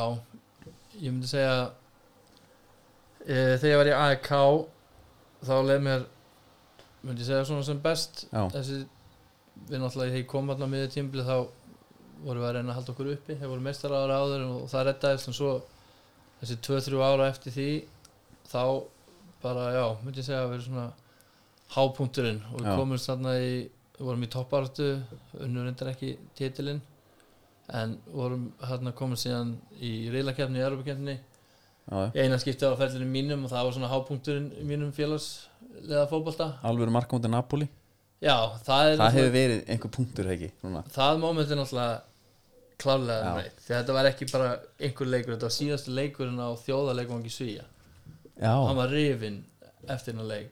Hvað bara asbest eða? Já, já, svo Já, bara er- svo, svo, nei, hann var bara orðin já, bara gammal já, svo byrjuðu þau bara að frendsa rína hann hliðina á en já, já, þannig að út, Hvern- að út að ég veit að þessi leikur þýðir svo mikið fyrir stuðnismenn og þeir eru alltaf eftir að já, þú já. veist, og ég skoraði náttúrulega mjög sjaldan en svo kemur svona frík mark þannig séð skalli fyrir utan teig já það var svona lob, lob skalli. Þetta er ekkert sem Bara að- yfir hann.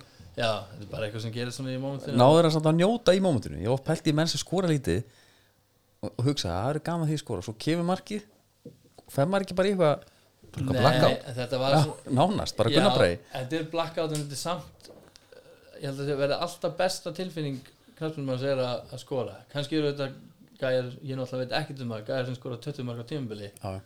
tilfinningin öðru sig en hjá mér bara að skora í leik er alltaf bara störtla en þetta náttúrulega var þú veist bara, já, lang svona besta einstaka moment held ég á ferðlunum einhver eitt svona leikmaður sem, sem stendur upp úr sem var mætt. Er eitthvað svona sem að því, að því var bara að sjá þetta í morgun hérna. Þú veist, Cavani er hérna einhvern veginn að spóla sig í gegn og þetta var svona frekar erfitt einhvern veginn. Já, hann náttúrulega hann að fekk viti í blálókin og hefði 2-1 þannig að, jú, jú, auðvitað hann og svo í þessum náttúrulega leikjunum móti Benfica og og svona, hún spilaði við Matic á miðinni í Benfica. Þá var ég búinn að sjá hann þegar rúluði hann yfir Chelsea í úrstættarleiknum í mesteldin þó sem það hefði tapað held ég. Þá var Benfica bara með já, svakalegt lið og Matic var bara driblandi miðumæður, sko, allt öðru sér típa enn í dag. Já, og já, maður bara getur eiginlega kýmið sér þetta nei, svo fekk ég að- að spila við hann hann og vinna hann í skallanum. Við vorum ekki mikið með boltan en þannig að maður einbætti sér að þessum litlu hlutunum. En það er bara svona moment sko sem að já, þau eru fá og stundum langt á milli þeirra en, en þau eru samt, þú veist maður kannski pæla ekki mikið svona, hugsa ekki mikið tilbaka en þegar maður gera það þá voru þetta svona moment sem voru bara geggjur sko. einmitt. En ég bara, hérna, sem er landslið og annað þú veist ég bara, það er svo mikið breyting á landsliðum líka. Gaman að upplifa tíman að tvenna í lífalli sko. þegar einna gullkynslan kemur inn og þetta. Já. Já, já, þetta var svart og hvítt hann eftir að Lars já tók við. en- að spyrja, er, er bara er bara lína dregin í sandin þar? Varandi, hérna hvað sem er svona bara umgjörð, umgjörð og já, Já, umgjörð já. það var alveg klárar Já. breyting þar. Hann kom bara með ákveðna svona kröfur þannig séð já, já, með sér og, og þá náttúrulega þetta var ekki bara hann en á akkurat á þeim tímapunkti voru þessi gullkynnslóð Mhm. á þeim aldrei að þeir voru að fara svona að- að virkilega taka yfir landsliði þannig að já, mér fannst fyrst og fremst bara frábært að fá að vera með já, í já. þessum hópi í svona langa tíma ég var aldrei betri en Aron eða Gilvi á miðinni og ég fekk að spila einn og einn leik þar sem að vantaði ykkur og eitthvað svona en ég var samt aldrei á þessu sama standardi þannig að ég hekk í hópnum svona eins lengi og ég gat og þetta er samt svo erfitt að spila með landsliði þetta er einn og einn leikur hér og þar og og oft náttúrulega móti miklu betri lið Já, já. og vanur og svona þannig að og vantalega var þetta bara kemistri og annað á milli leikmanna og þetta er mjög skrítið að hoppa bara inn í leik með einhverjum leikmann sem spila aldrei með. Já, það var samt í raun og veru bara alltaf frábær svona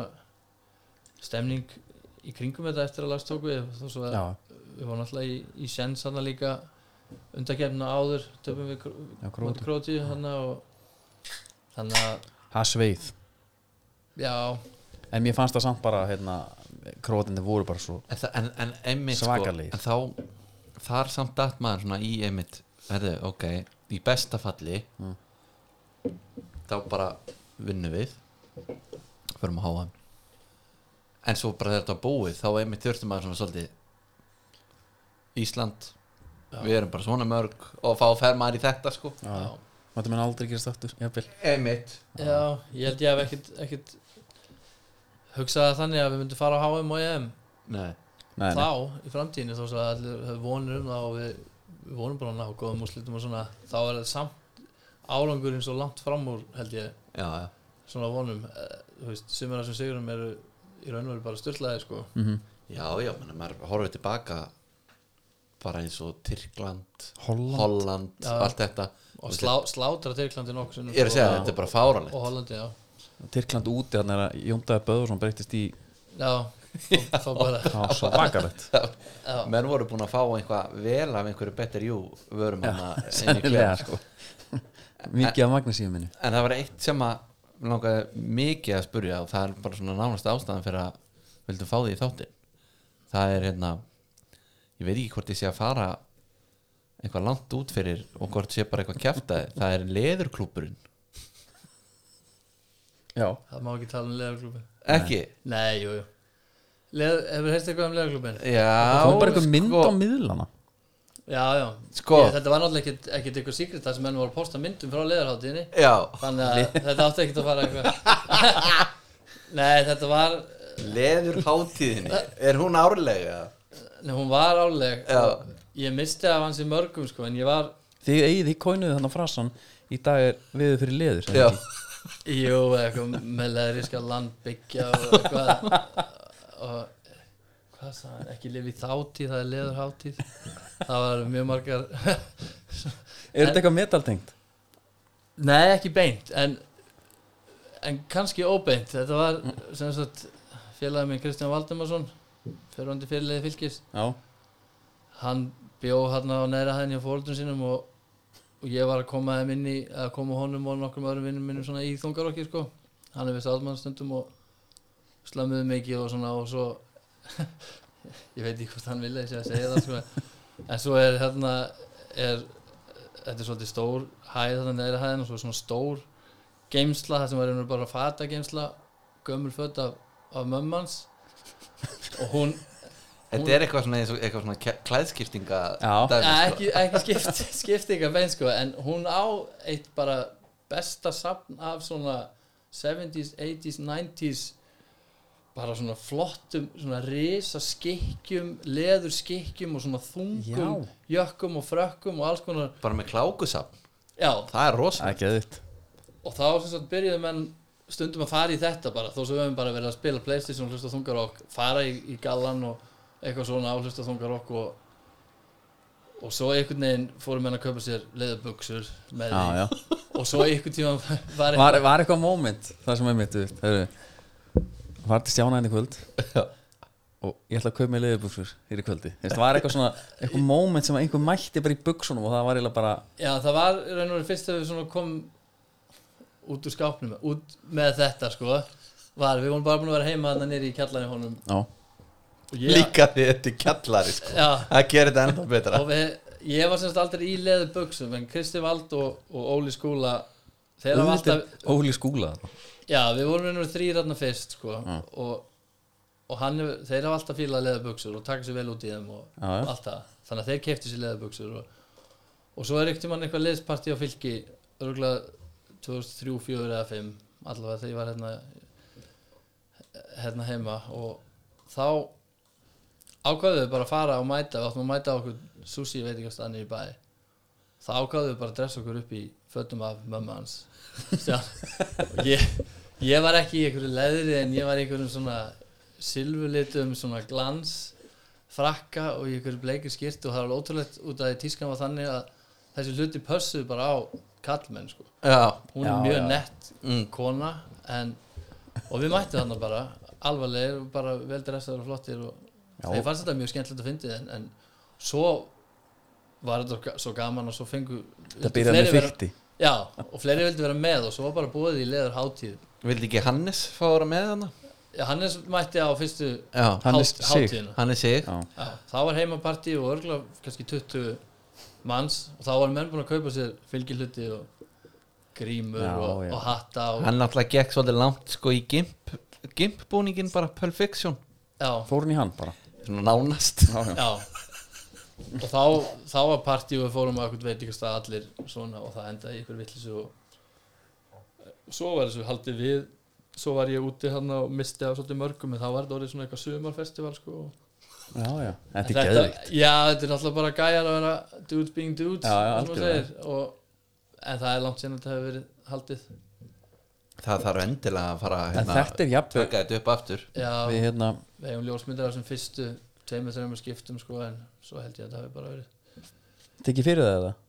Já, nei, ég bara veit það ekki. Ég, ég mistaði þessu í framhaldinu. En Það að korpsbeint, eitthvað te tengist það þessu að því að maður hefur sér myndir að með korpsbeint? Og fyrir Nei. hlustundur sem maður veit ekki hvað það er það er, það er þessi hvít svarta máling Þessi kiss feelingur svona Nefn Já. ekki Maður strungulegri kannski. Já, Já, nei, það er kannski bara út af því ég hlusta á svona tónlist og ef það er eitthvað tækifæri það var einmitt Ó- Óli var með eitthvað svona dress up party ammælisparty og þá ákvaðu ég og Hannes báðir við náttúrulega vissum ekki hvað öðrum dressum okkur sem Eli Mansson og vorum báðir með eitthvað svona hérna hvíta linsu og, og eitthvað svona og leðfrakka og, og svo og svo í hittskipti, ég nú bara tvís að fara í korpsbeint í hittskipti þá var ég í hérna félagið minn sem spilaði með mér AEK Celso Borgers Costa Rican. Já, hérna leikmaður, hann var að spila í Deportivo La Coruña og ég var hérna í Lissabon það er 6 tíma kessla og hann er þungar okkar í, spilar á trómur og það voru slegir tónleikar í A Coruña. Og þannig að ég, ég kerði til hans og það ákvaði ég að setja á mig svona abbað hérna, Já. með, þú veist ég var á slegir tónleikum en ég var bara ég, ég held að það hafi verið rekja veka eða eitthvað og en slegir er nefnilega ekki málaðir sko. Nei, nei, þetta var ekki tengt ek, ek, Já, ekkert samræmi í þessu hjá mér En ég fannst þetta samt. Það var, Ég held að það hafi verið já, já Þannig að það var ekkit Þetta bara, ofskrítið þetta er svolítið svona eins og að nota mitt mómentið. Ah, nú kemst ég, eins og tala um svona þetta sko. Já, já, Það er svona, herri, kom ég heim og ég læst að mér og þú veist leiði mér þetta þar. En líka því að það er greinilega alveg svolítið gengið langt að því að til dæmis bara að fá hvítar linsur. Mm. það lítur að sko Pókus, pókus og lögu er, Já, það er bara nóg. Já, það var fyrst á betti mitt og það bara gekk upp. Það gekk upp? Já, ok, ég held að þetta væri eitthvað miklu erfiðara sko. Það er allt til. Já, það er allt til. En með aftur að fótboltanum. Ég er veltað fyrir Góður útidúr samt. Já, ég, ég varð að spyrja um liðið Já, sko. við, hérna, Já, al, ég, þetta var mjög gott. Liður hátíðin líka. Var- Nei, með, með sko Þóttunum feril Flottan feril Og ég aðeins bara hvernig hann endar. Þú fó, kemur heim, þú fótbrotnar. Mm. Á hverju hætti ekki þá? Varst ekki, þú ætlar að hætta Ég var einu aldrei svona alveg búin að ákveða neitt En Nei, ég tók bara svona eitt eitt síðan í einu. Náttúrulega fyrst þegar ég kom hérna eftir þessi þrjú ár í pásu þá reyfi ég hérna festingu í lærinu og já, já. náði að spila eitthvað hálfmeitur og ákvaða að fara ekki aðgjur út að þetta væri hugsanlega bara síðast tímabilið og Já, í staðan fyrir að missa öll tímabil þá geti ég kannski gert eitthvað. Svo ákvað ég að taka eitt ári viðbót það gekk bara fín já, 2019 og, og var auðvitað bara stemdur fyrir 2020 fekk leiði frá konni að taka eitt ári viðbót því að mér fannst það bara mjög Mhm. gaman og fannst ég alveg geta það sko og, og svo auðvitað bara brýt ég fótinn hana já Illa. mölbrytur ekki alveg Jú, já, alveg bara miklu verð en ég einhvern veginn ímyndaði mér Já. fyrst sko uh, en þá einhvern veginn var ég ennþá ég var svo svektur yfir að mista af tímabilinu ég spilaði bara tvo leiki og meittist og, og fannst bara svo gaman að vera í kringum klubin að ég Já. mætti allar æfingar og, og var svona bara einhvern veginn bara lístjórn já og ég fann alveg strax að ég gæti náð mér þokkilega góðum, ég náði mér þessa æfingu fyrir lók tímabilisins, ég fór á æfingu í Já, oktober og þá var ég bara búin að það er ákveða ótrúlegt. Mm Já, þetta gekk mjög hrætt við þessu Já. og þeir hafa gert þetta mjög vel sko. þegar þetta leita ekkert vel út fyrst og ég þurfti að býða svolítið lengi eftir aðgerðin því að þeir voru ekki alveg vissu hvað þeir ætti að gera. Já, já, og, en þetta hefur ég hefur verið ekkert fundið fyrir þessu þannig séð Nei. það er ótrúlegt þannig séð en ég misti náttúrulega bara af undirbúinastíðanbölum svolítið mikið núna í vettur og, og var svona svolítið lengi að komast bara í vennlegt form Já. ég bara var illt, ég gati ekki hlaupið það hratt til þess að komast mér í, for, í form Já, já. í vettur Þannig, að- en já, núna finnst mér þetta vera komið gott í runni og fjölskyldan búin að ákveða að flytja konum mér sem fara að vinna í Englandi og, og ég er nú búin að fá stjórnaferðinu svolítið mikið með minn Já. feril og þannig að mér nú bara réttast að hún fengi Já.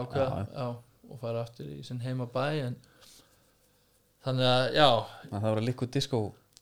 Liquid Nightclub já, nightclub, já, já, alveg. Já, það, en já en með tímabili ár hjá fylki í- maður sá þetta ekki alveg fyrir? Nei, og það bara hérna það, það, það sko- verður eitthvað kollaps á einhverju tímapunkti. Og ég, ég finn bara ég, ég hef sagt á það, ég fann til með þið sko. Klára þetta svona. Að Já, þetta já, fer hratt niður einhvern veginn. Þú fær hérna blómund út á velli. Já, fyrir fram að, fram að 20 manns leikurinn skipti engum máli sko, fjölskyldan ellendis þetta var alls ekki og þennan, þetta kvöld leiði mér bara ræðilega í að Já. þetta var svona versta mögulega leiðin til þess að hætta en samanskapið því ég hætti áður 2015 þá var það líka alveg glata sko. þá hætti ég bara út af því að ég mér bara leið illa og ég vildi ekki spila fótbolta sko. núna Já. vil ég spila fótbolta finnst það gaman en samt einhvern veginn fór allt í steik þá vildi ég ekki, í AGF vildi ég ekki spila fótbolta og fannst það bara meikaði ekki var Já. bara með kvíða og, og við fórum upp þú veist, gekk frábælega hjá liðinu og allt það og svo er akkurat öfugt núna það sem ég finnst mjög gaman að spila og, og svona hefði vilja gera eitthvað að viti og þá þetta Mhm. kollaps er náttúrulega uh, mjög erfitt að, að útskýra þegar þetta er svo tapa 7-0 og 6-0 og 5-0 mm -hmm. það er náttúrulega bara já þannig að já, núna er bara búin að líða það er mikið tími, núna er fylgir bara að byggja upp fyrir næst síðan og, og venur fljóttir að gleyma svona þó að þetta hafi verið alveg skelfilegt þá er, er þetta bara svona hluti sem gerast? Já, þetta er hérna þetta er svo, þetta er svo hart að enda svona sérst fyrir bara fylgir bara, þetta er bara nei, þetta er bara rinja eins og segir þetta er svona, Já, við heldum við hefum ekki gert okkur grein fyrir bara nú að snemma að það voru svona viðvörunarbjöllur. Já. menn heldur alltaf að við áttum leikmenn inni sem voru meittir og, og vorum á tímabili að spila, við áttum einhverja tvo-þrjá leikja sem spilum mjög vel og náðum ekki að skora, við gerum tvö jafnteflan í röð.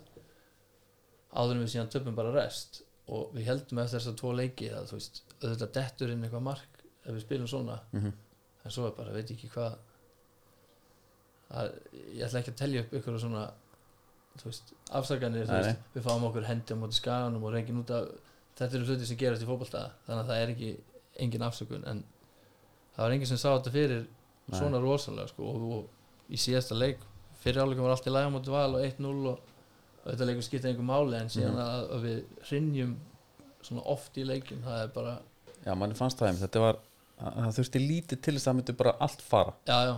Og það er eitthvað sem hefur bara líka orðið til að hafa lent í þú veist, Mhm. að tapa 7-0 á móti var ekki 7-0 á móti breyðablík heima? Jú, ég man þetta ekki alveg. Nei, þannig að já, það þurfti mjög lítið til þannig að menn vera aðeins að styrkja sig andlega og, já, og hérna og auðvitað verður þetta kannski ekki nýtt lið en, en mér líst vel á hópin Mhm. fyrir næsta sísón, ég held að fylgja geti alveg menn voru þetta hrættur um að það myndi kannski ekki komast aftur upp en Þessi búin að segja Börkin og Albert Brynjar já, Já. hann ætti að vera heill fyrir tímabil Já. hann er allavega þannig típa að hann sinnir þessu með slónu sínum og Mhm. þannig að ég held að og Raggi, náttúrulega góðu félagi þeirra það var svona vatn á millu þess að hann er áfram já, já, að þeir séu komnir aftur já, já. ég veist svo sem ekki um að hann myndi vera áfram en, en það hjálpar honum potti því að Já. þetta er mjög ungt lið og það Já. er svolítið munur að vera já, já, við eldri og hinnir að, að, að svona upp á stemningun og svona en, en þannig að ég held að þetta veri bara hárrétt að ná í þá tvo og mjög stert að ná þeim bara svona strax rauninni. einmitt Mér langar að spyrja einu að því varst að tala um tíman í AGF Ég bara hafa aldrei heyrt um þetta áður Það heyrt af þess áður uh, Þú hættir þar Hvað Fannstu svo bara gleðin aftur eða var þetta bara eitthvað sem vannst bara með, markast í eða hvernig var þetta? Nei, ég raun og veru, þú veist ég hef alltaf ég nenni raun og veru aldrei að tala um eitthvað svona hluti Nei, nei. það eru aðrir sem er kannski betri í því og opnar og eitthvað svona en, en mjög margir sem glíma við kvíða og, og svo leis og ég hef, er alveg búin að glíma við það allt, Mhm. allt mitt líf svona on og off sem tengist auðvitað þessu að, að þurfa alltaf að standa sig og svona sko en þegar ég þegar ég raun og veru fyrir AGF þá ætla ég raun og veru bara að hætta eftir fyrst tímabila þarna í, í Portugal Já, en svo kemur tilbúð þaðan og bara rísa tilbúð þó þessi annar dild í Danmörku þú veist, betur borga Já. og allt þetta og þá fannst mér, ég var ekki með neitt þó sem ég hafði um plana að læra og reyna að fá vinnu þetta tengda því þá Já. fannst mér samt að ég ætti að taka og taka sjensin og hugsanlega fara í nýtt umhverfi og, og kannski finna gleðin aftur Mhm.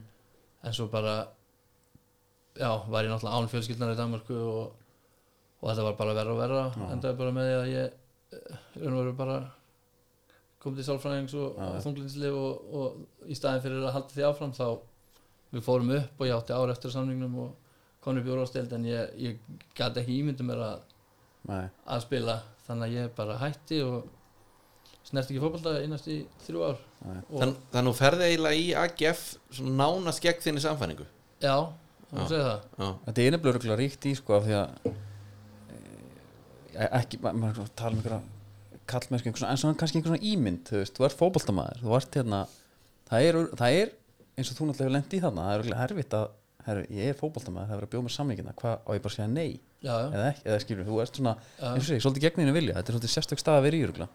Já, ég kannski hugsaði meira með kultúrin í kringu lið þó að fótballtinn hafa verið góður í, í Portugal þá var þjálfarinn og allt þetta svona í kring svolítið skrítið og ég pyrraði mig svolítið mikið á því og ég held kannski að ég myndi fara til Danmark og það sem ég þekkti því mér leið mjög vel í Svíþjóð og að þá myndi ég kannski fá svona neistan aftur Akkurat. en það var samt ekki, ekki nóg þannig að Nei, nei, það var bara hárið stöðun held ég núna að- Algjörlega. að hætta alveg búin að vera líka alls konar vakna ekki sem álum og svona. það er flott já, það er líka alltaf þetta bara hérna, bara er þú upplega drauminn sko. Já, og, og, það, og þá á Já. bara og það á þá bara að vera draumur allan bara- tíman já, og fyrir alla, já, já, já. akkurat.